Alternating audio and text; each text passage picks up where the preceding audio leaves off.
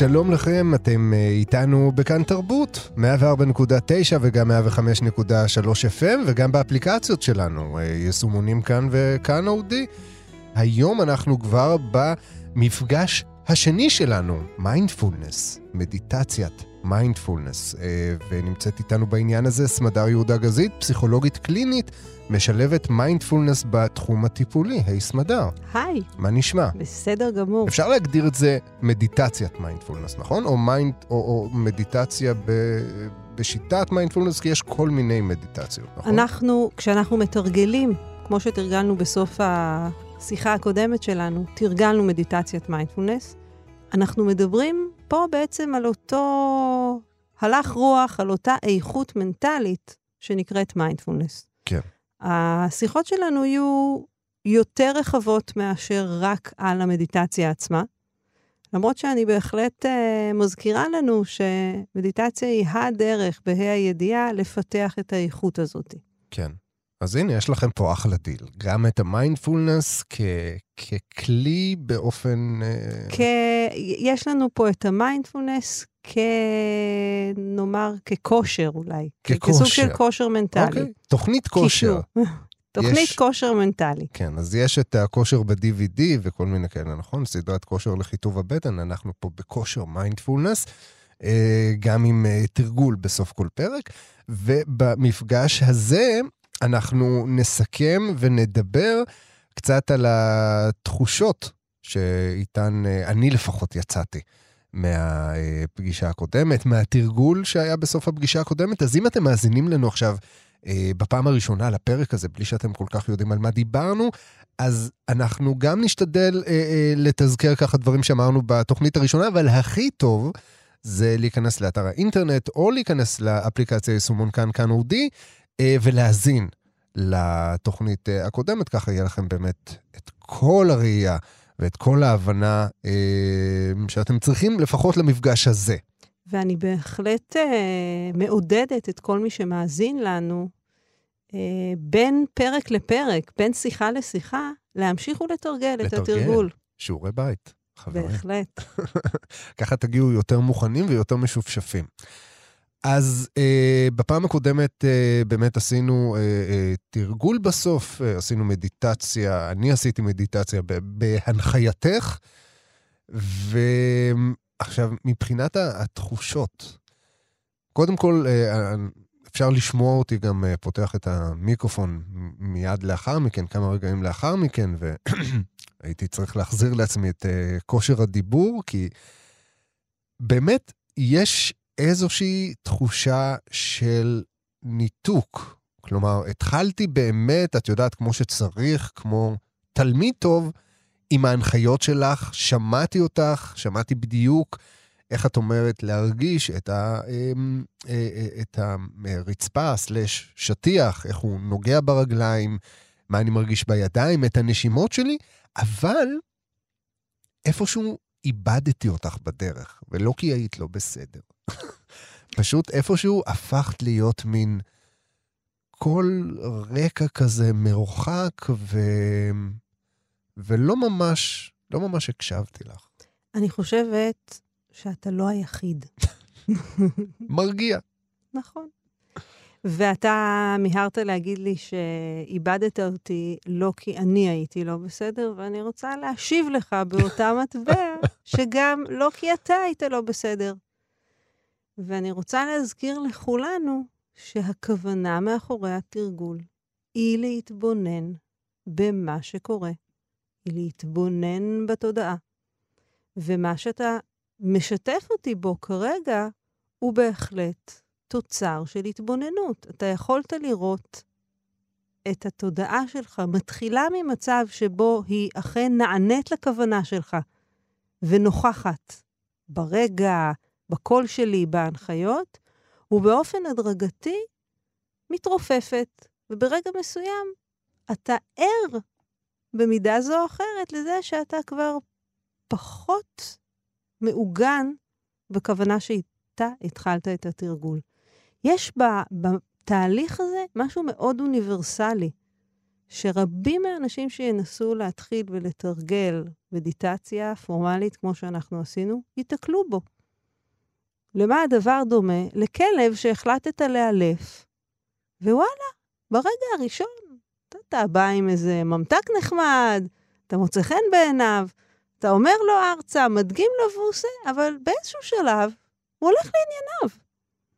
זה לא כל כך כיף שמאלפים אותך. נכון. והתודעה שלנו, לצורך העניין הזה, היא כנראה דומה לאותו כלבלב.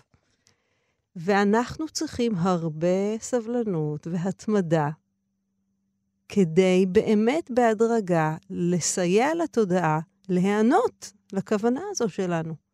ולכן יש משהו די סיזיפי בתרגול של uh, מדיטציה ובפיתוח של מיינדפולנס. שוב ושוב התודעה מפליגה, ויש לה כל מיני סוגים של הפלגות. אתה מתאר את ההפלגה הזאת שמפליגים למקום שממנו נמל הבית של ההנחיות, הוא נראה ככה תחת מעטה ערפל ורק מדי פעם מבליח. כן. יש עוד מיני הפלגות. אני יכולה לגלות לך בסוד שחלק מהאנשים שתרגלו, הם אפילו הפסיקו לשמוע אותי בשלב מסוים. יכול להיות שגם לי זה קרה לאיזה רגע או שניים. שאולי, רגע שאולי נרדמת, רגע שאולי חלמת. כל אחד מהדברים האלה הוא לא big deal. זה עוד מופע של התודעה, זה עוד מצב מנטלי. אנחנו נלמד בהדרגה גם אותם, כמו שאמרתי, לזהות, לסמן שהם היו, ולהתפנות לרגע הבא. מה מביא איתו הרגע הבא? אז המצב שאתה מתאר, שאתה קורא לו ניתוק, כן? אני אזמין אותך שוב ושוב בשיחות, לנסות להבחין מה באמת היה שם. האם הגוף היה נינוח? האם היה מתח בגוף? האם הייתה איזושהי ביקורת שלך לגבי עצמך בנושא הזה? כל מה שקורה הוא אובייקט להתבוננות שלנו. הוא חלק מהמופעים המנטליים הבלתי פוסקים של התודעה. עכשיו, כמובן שהייתה ביקורת, וחלק ניכר ממנה נגזר באמת אה, מאיזושהי תחושה שאולי אני לא עושה את זה כמו שצריך. עכשיו, זה אצלי, לפחות בתרגול הקודם, בא לידי ביטוי באמת בשתי, אה, במרכאות, הפרעות, כן? סטיות ממה, ש, אה, ממה שתכננתי, או ממה שחשבתי שהולך אה, לקרות בתהליך הזה. והאחת הייתה שבאמת בשלב מסוים, את אמרת לפני כמה רגעים, להיות ער ל... אז התכוונת ער ברמה התודעתית, אני אה, אומר ער ברמה של בין ער לישן. כי mm-hmm.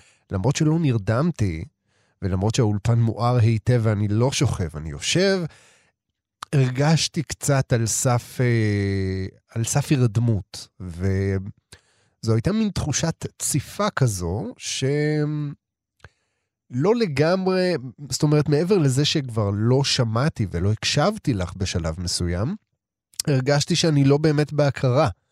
ואת זה כמובן הבנתי רק מאוחר יותר, כשהפכתי קצת יותר בהכרה, זאת אומרת, קצת התעוררתי, וזיהיתי את זה, ואז איכשהו אמרתי לעצמי, אוקיי, עכשיו אתה צריך אה, אה, להישאר אה, מפוקס וער. וברגעים האלה באמת נצמדתי להנחיות שלך כעוגן, שעוד פעם, נתנו לי סוג של אה, קרקוע למקום הזה שאני רוצה להיות בו. והדבר השני, זה מחשבה חוזרת שליוותה אותי, אה, שהיא פרצה גם במרכאות לתוך התודעה. בפעם הראשונה לא ממש הייתי מודע לזה, שוב, אני מודע לזה רק אחרי כמה רגעים שאני בתרגול ומקשיב לך, ואז פתאום מתעורר, והדבר הראשון שאני שם לב אליו, זה שאני לא מקשיב לך, זה אני מקשיב לאיזושהי מחשבה שמטרידה אותי. ואז אני מגרש אותה, מגרש אותה בהצלחה אגב. ואחרי כמה רגעים, גם של ניתוק, גם של פה, ושוב פעם את הופכת לקול קטן ברקע, אני שוב מוצא את עצמי מתעורר במרכאות בתוך עיסוק באותה מחשבה, שאני שוב מגרש אותה. ואז אני אומר לעצמי, אוקיי, הייתה לך הזדמנות לתרגל כאן, וקלקלת את הכל. אתה גם נרדם, אתה גם חושב מחשבות, אתה לא מפוקס, וזהו, סך הכל ביקורת אה, מעודנת. אני מוכרחה להגיד שבמערב, הרבה יותר מאשר אה, במזרח הרחוק, העוצמה והרעילות של הביקורת העצמית הן קשות ביותר.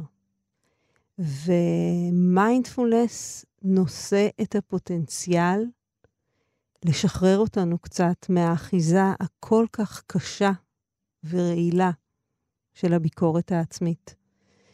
Uh, היכולת שלך לתאר ככה בצורה מאוד uh, כנה ורציפה את מה שעבר עליך, היא, היא עוזרת לנו, כי אני חושבת שהרבה מהמאזינים גם יכולים להתחבר uh, לפחות לחלקים uh, ניכרים ממה שתיארת. וזה נותן לי הזדמנות להדגיש כמה נקודות שיכול להיות שאמרתי אותן, אבל זה אחרת מתוך התרגול. העובדה שאתה אה, כמעט נרדמת, כמו רבים מאיתנו, לא אמורה להפתיע אותנו בכלל. הלא יצורים הרגליים אנחנו. ורובנו גם יצורים עייפים. ולכן, בתוך שילוב שבו אתה בעיניים עצומות, בתוך מרחב יחסית שקט, אתה יודע, התודעה עושה את מה שנראה לה הכי סביר. היא נרדמת. זה הדבר שהיא רגילה לו והיא גם זקוקה לו. זקוקה, זהו. שמעתי פעם נזירה יקרה, ש... נזירה של הרבה מאוד שנים, והיא אמרה, אתם יודעים שכשתלמידים באים אליי ואומרים, אני כל פעם נרדם בתרגול, מה, מה אני יכול לעשות נגד זה? ואז היא אומרת, אני תמיד אומרת להם, בוא תתחיל מזה שתנסה לישון יותר בלילה. שזה פתרון לא רע בתור התחלה. אני חושבת שזה פתרון מאוד פשוט, והתשובה שלה בעיקר ממחישה איך גם בעניין הזה אנחנו מנסים ללכת ראש בראש עם המציאות. והלך רוח של מיינדפולנס אומר, בוא קודם כל תפגוש את המציאות, ותפגוש אותה במבט רך וסבלני, אז בוא נתחיל מזה שאתה עייף. ובהינתן שאתה עייף, ואתה מקבל את הזכות לעצום את העיניים, ושיש לך מדי פעם שקט ואני לא מפריעה לך עם ההנחיות שלי, אז יש רגעים של הרדמות. האם זה אומר שאתה לא עושה את התרגול בסדר? אין לזה שום קשר, כיוון שאם יכולת להבחין בכך שנרדמת כאשר התעוררת, הרי לך רגע של מיינדפולנס. רגע שבו חזרת אל הרגע הזה, ושמת לב מה קורה. אוי, אני מתעורר. אני אומרת את זה לא כהלצה, זה ממש כך. זה רגע יקר של מיינדפולנס. הרגעים שלפניו, הם היו רגעים שבהם לא היית במיינדפולנס. אכן, ויש לא מעט כאלה בתוך התרגול. התרגול הוא לא נמדד בהאם הגעתי ל-100 אחוזי מיינדפולנס או לא. התרגול הוא הזמנה לנכוח ברגע הזה, ואנחנו רוצים לראות האם זה יתאפשר. יתאפשר רגע אחד? יופי. יתאפשר עשרה? יופי. לא יתאפשר בכלל? יופי. אני יכולה לראות מה קורה. העמדה הבסיסית שלנו בתרגול היא עמדה צנועה. אתה לא שולט כל כך בתודעה שלך כפי שהיית רוצה לחשוב. אז אם אתה יכול לעצור ולהגיד, פה הלכתי ושקעתי, ואז פתאום קולך העיר אותי. אוקיי, קולי העיר אותך, ומה היה שם? ואז אתה יכול להגיד, אז אמרתי לעצמי, אוח, אתה מה זה לא בסדר שנרדמת? זה רגע קריטי. אם אתה נשאר בלהרגיש לא בסדר עם זה שנרדמת, אין כאן את המיינדפולנס. יש כאן רגע של אשמה. אבל אם אתה יכול, כמו לעלות קומה, ולזהות את ההתרחשות הזאת, אפרופו המושג שהשתמשתי בו, מטה-קוגניציה, אתה לא רק בתוך התוכן הספציפי של אתה לא בסדר, אלא אתה יכול לעלות קומה ולהגיד, הא, ביקורת עצמית. הנה ביקורת עצמית. אני מתבונן במה הקוגניציה שלי מייצרת. אני כבר לא מתעסקת בתכנים, אלא רוצה לזהות קטגוריות, נטיות. וכאן אנחנו נגלה שההתבוננות והזיהוי הם אכן גורמים שבונים את החופש שלנו. בהדרגה הזיהוי הזה עוזר פחות להישאב לתוך מלכודות הדבש האלה. אני אומרת מלכודת דבש כי יש איזה מין הנאה עקומה מלהגיד לעצמי, אני לא בסדר, אני לא בסדר, ואני חושבת שמתוך זה אני גם אהיה יותר בסדר בפעם הבאה. זה ממש לא עובד ככה. אנחנו מתאמנים גם בפיתוח של עמדה הרבה יותר רכה כלפי עצמנו. זיהית שאיתו נרדמת? אוקיי, no big deal. תמשיך. זיהית שאתה ביקורתי? no big deal. תמשיך. אנחנו רוצים לפגוש כל מה שמופיע, פחות או יותר, באותה עמדה. ומכאן אני אעבור לשאלה שלך לגבי המחשבה החוזרת. אתה יודע? כן. Welcome to the club. זה מה שרובנו נגלה. עוד מחשבות ועוד מחשבות. לפעמים הן חוזרות על עצמן, לפעמים הן מחדשות את עצמן. זה מה שיש שם. בתוך התודעה שלנו יש המון רעש מיותר. וגם שאתה זיהית את החשיבה הזאת, וגירשת אותה, כדבריך, החוצפנית הזו חזרה. כי זו הנטייה של החשיבה. העודף חשיבה מורכב גם ממלא דברים שאין מה להתעסק בהם כי הם עבר ועתיד, וגם מחזרתיות אינסופית על דברים שאין בה שום תועלת. האם אנחנו יכולים לשים לזה סוף? לא. הגישה... לא יקרה. אנחנו, זה לא בידיים שלנו. כן. זה כמו שאני אשאל אותך, אתה יכול בבקשה למנוע את הגשם שיורד עכשיו בחוץ? לא. ואתה לא תרד על עצמך, כי אין לך ציפייה לעשות את זה. אתה כן יורד על עצמך על כך שהמחשבה חוזרת, כי יש לך ציפייה חסרת שחר לשלוט במחשבות שלך. והאימון הזה עוזר לנו, גם אם בצער, להיפרד מהתפיסה הזאת, שאנחנו אדונים למחשבות שלנו. ואם המחשבה הזו העזה לחזור אחרי שגירשתי אותה, הרי שאני מאמן ממש לקוי. אז לא. המחשבות עושות את מה שהן רגילות לעשות, והרבה פעמים נצטרך להתרחק מן המחשבה. המון פעמים, מאות, אלפים. אחד הדימויים שאנחנו משתמשים בהם הוא הדימוי של הדפיקה בדלת. המחשבה משולה לדפיקה בדלת. אתה לומד בתרגול לשלוט בהאם אתה פותח לה את הדלת או לא. כלומר, אתה יכול לזהות שהיא שם. והיא אומרת לך, אבל רז, זה קצר, זה קצר, רק שאלה זה ייקח שנייה ממש.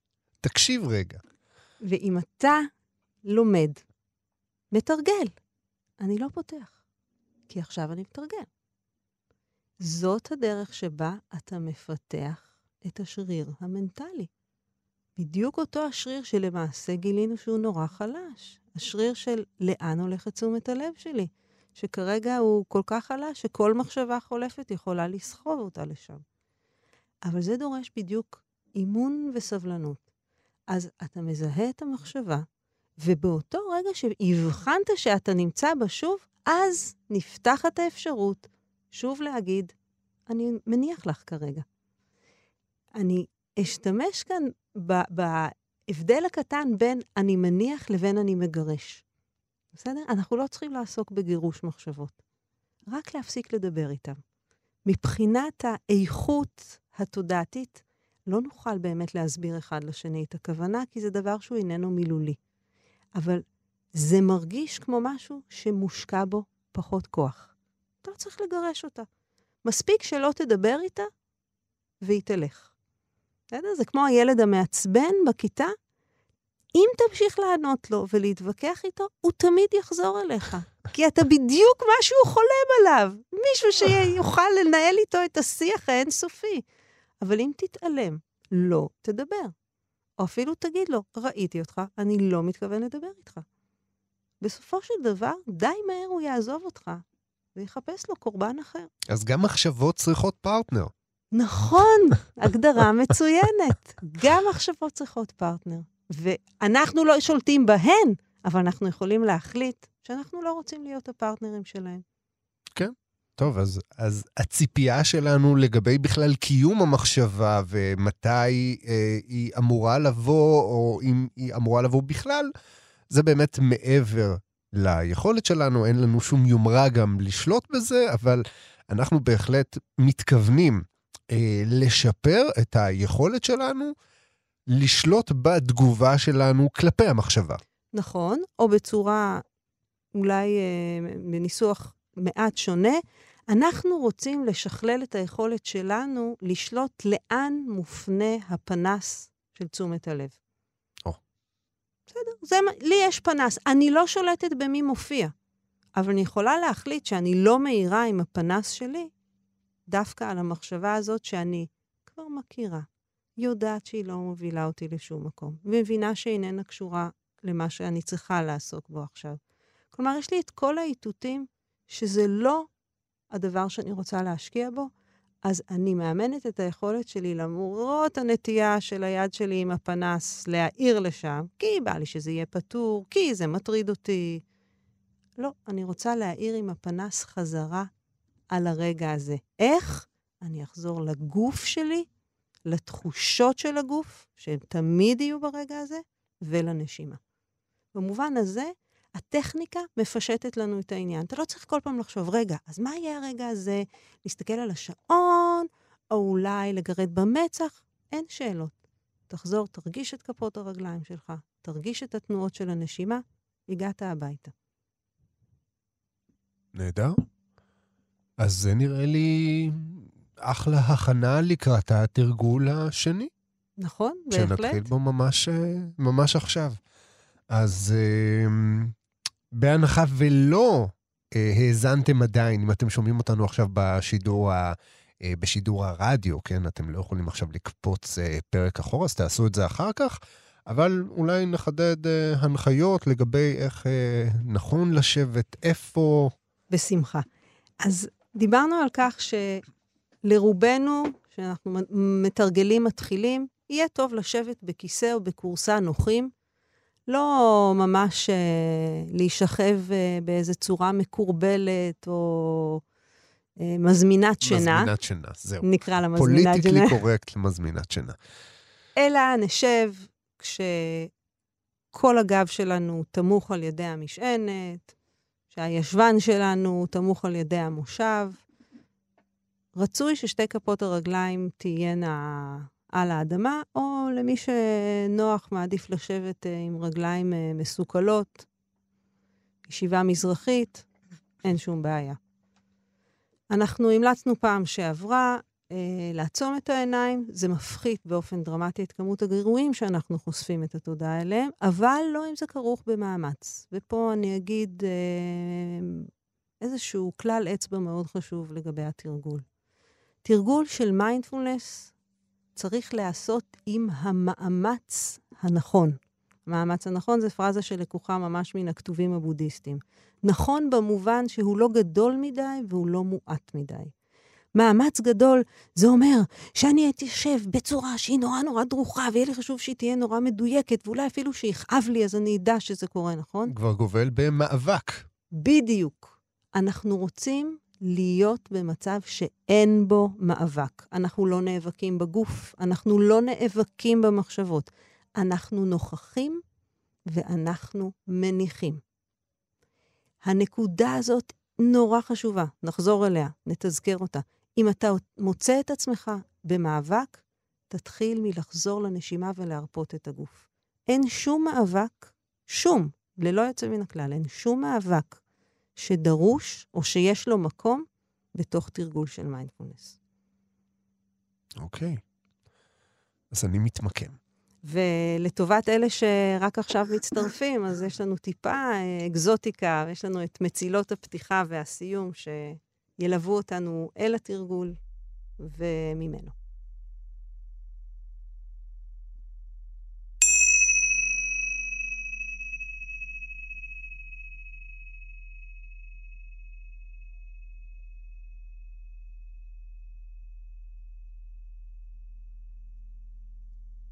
אז נתחיל בכמה נשימות עמוקות, מודעות, שבהן אנחנו רוצים להתחיל לאסוף את עצמנו אל הרגע הזה, משלל המקומות שהיינו בהם, עסקנו בהם. אנחנו אוספים את עצמנו אל ההיכל הקטן הזה של נוכחות ברגע הזה. לעזרנו יש את הגוף שלנו. ננסה לחוש אותו עכשיו, החל בכפות הרגליים, נחוש את כף רגל ימין וכף רגל שמאל. ככל האפשר, ניתן להן להיות נקיות ממאמץ, רפויות. נשים לב לשתי הרגליים, לכל אורכן. נאפשר לירכיים להתמסר לתמיכה שיש להן מן המושב. נחוש את האגן תמוך, ועם השאיפה את הצמיחה של עמוד השדרה. מעלה מן האגן עד קצה העורף. נאפשר לנשימות הבאות להזמין אותנו למידה מיטיבה של רגיעה ונינוחות בגוף. לא עד כדי רדמות, זו לא הכוונה שלנו, אבל בהחלט אנחנו רוצים לאפשר לגוף למצוא מנוחה. נחוש את חגורת הכתפיים. עם הנשיפות הבאות נוכל לרכך אותה, לרוקן אותה מעומס עד כמה שאפשר. לאפשר לזרועות להיות נינוחות. לחוש את קצות אצבעות הידיים.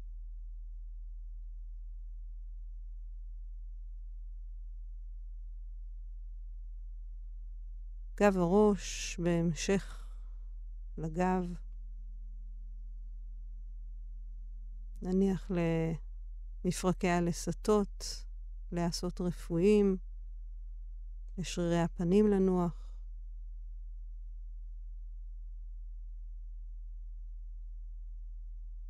ונזכיר לעצמנו את כוונת התרגול שהיא להיות בתשומת לב ורע, מרגע לרגע.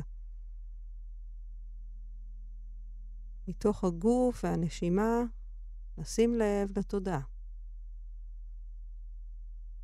ניתן לעצמנו לעגון בציר הזה של הנשימה, אותו נתיב שנע במקביל לעמוד השדרה ממרכז הבטן, דרך מרכז, ה... מרכז בית החזה, הגרון, ועד קצות הנחיריים.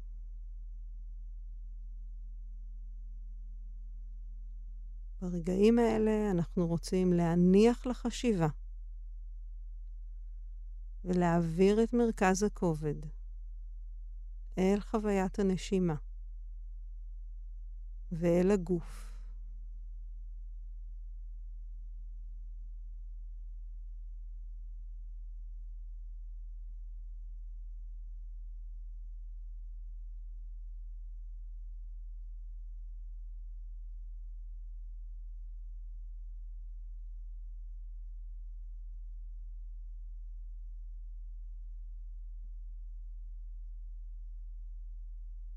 נשים לב. האם הפלגנו במחשבות? לא קרה כלום? אין צורך בנזיפה או בבהלה? פשוט בנינוחות נחזור לשאיפה הזאת שמתרחשת ממש עכשיו. לנשיפה שאחריה.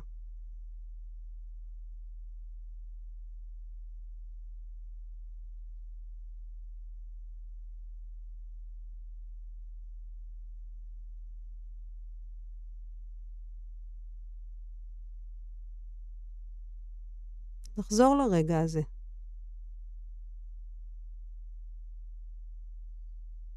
נוכל אולי להבחין עד כמה התודעה עמוסה, או שאולי כרגע יש בה מרחב לשהייה עם הנשימה בלבד?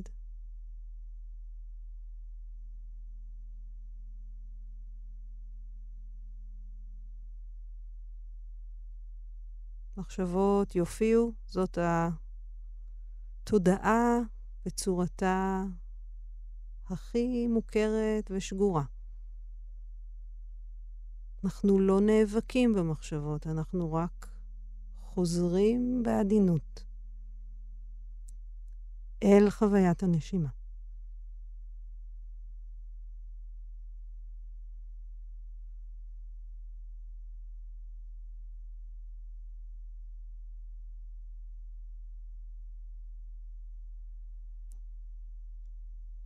תודעת מראה. עכשיו שאיפה, הנה מחשבה, אוי, אולי ביקורת, ושוב נשימה. למעשה, אנחנו לא מנסים להגיע לשום מקום. כל פעם, כאן ועכשיו.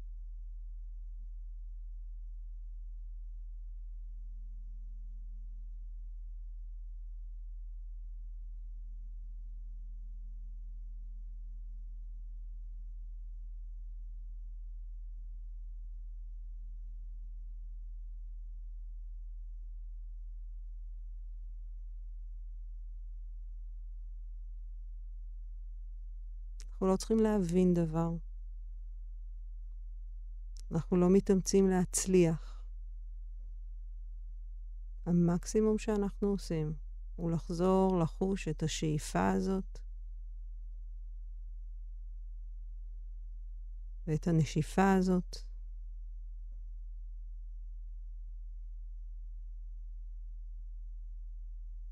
מה שבא, ברוך הבא. נסמן ונחזור לעוגן שלנו.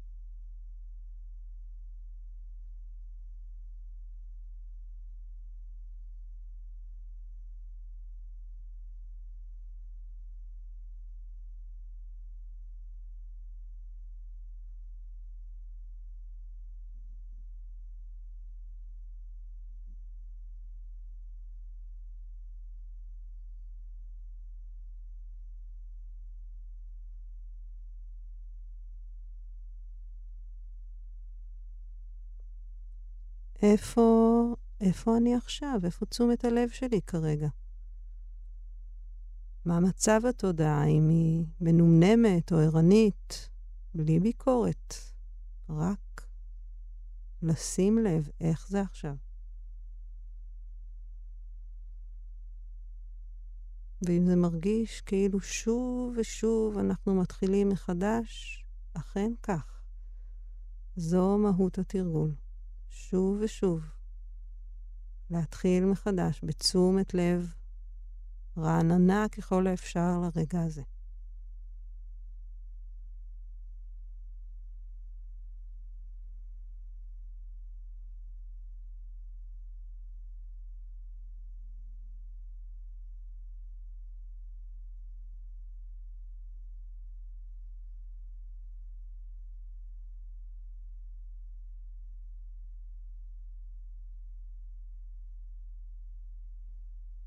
שנשמע את המצילות שמסיימות את התרגול.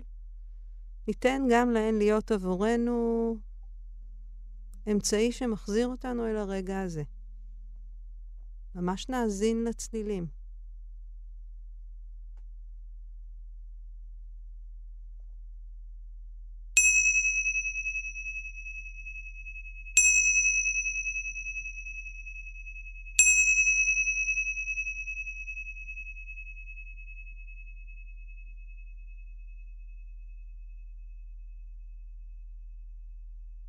הנה, זה... תמיד קורה לי אחרי. אה, אז עד כאן אה, המפגש השני שלנו. אה, במפגש השלישי כמובן נמשיך, נמשיך להרחיב בנושא הזה, וגם נדבר אולי על עוד דברים שעלו גם בתרגול הזה. אז סמדר יהודה גזית, פסיכולוגית קלינית, משלבת מיינדפולנס בתחום הטיפולי. תודה רבה לך שהגעת אלינו שוב. תודה לכם. מזכירה למאזיננו לפרגן לעצמם, לתרגל. עשר נ... דקות ביום. אז זהו, בואו נדבר אולי ממש אה, בקצרה. אפשר לתרגל בכל מקום שיש פה את התנאים האלה שדיברנו עליהם מבחינת אה, אפשר כיסא לתר... וכו'. כן, אפשר לתרגל באמת בשלל מצבים. לא כשתשומת הלב חיונית לדברים אחרים, כמו בשעת נהיגה. פחות מומלץ. עדיף לא ממש לפני השנה, כי בדרך כלל זה אומר שהתודעה כבר עייפה וזכותה מיום שלם, אבל בהחלט זה יכול להיעשות בבית, במקום העבודה, בפארק. עשר דקות זה לא הרבה זמן. הרבה פעמים אני אומרת לאנשים, אם מישהו היה מתקשר, מישהו חשוב לכם וזקוק לעשר דקות שיחה, הייתם מוצאים ביום? אז דמיינו שקיבלתם שיחה מעצמכם. ומהתודעה שזקוקה למרחב הזה של ההבראה, ההחלמה, השקיטה. אה, נסו את זה. אז אם היינו יכולים להקליט את התוכנית הזאת בתנאי אה, סאונד אופטימליים ב... על חוף הים, זה היה, זה היה באמת נפלא. ולכם אבל יש אפשרות לעשות את זה. אז אתם יכולים לקחת אותנו איתכם אה, לכל מקום, גם לים, גם אם זה שיעור חופשי ככה, או איזה שעה מתה אה, שהתפנתה לכם ובא לכם אה, אפילו לטעון את עצמכם בעוד אנרגיות אה, להמשך היום, אז אה, אתם לגמרי יותר ממוזמנים. אז אנחנו נשתמע כאן בפעם הבאה, אה, עד אז אתם כמובן מוזמנים גם להאזין לפרק הזה שוב, וגם להאזין לפרק הראשון שלנו, אם אה, עדיין לא האזנתם לו, ואתם יודעים מה, גם אם כבר כן האזנתם לו. אז תשמעו את שניהם אה, ביחד, ואת זה אתם יכולים לעשות גם באתר האינטרנט שלנו בכתובת www.kan.org.il/פודקאסט, או הכי פשוט, באפליקציה היישומון שלנו של כאן אודי, תחת קטגוריית שלמות. גם הפרקים האלה שם. וכל הפרקים האחרים שעוד יבואו בקרוב. אז uh, סמדר, תודה רבה לך שוב. תודה לך, רז. תודה רבה גם לכם שהייתם איתנו בעוד פרק. נשתמע כאן בפרק הבא. לי קוראים רז חסון. עד אז, נשתמע. ביי ביי.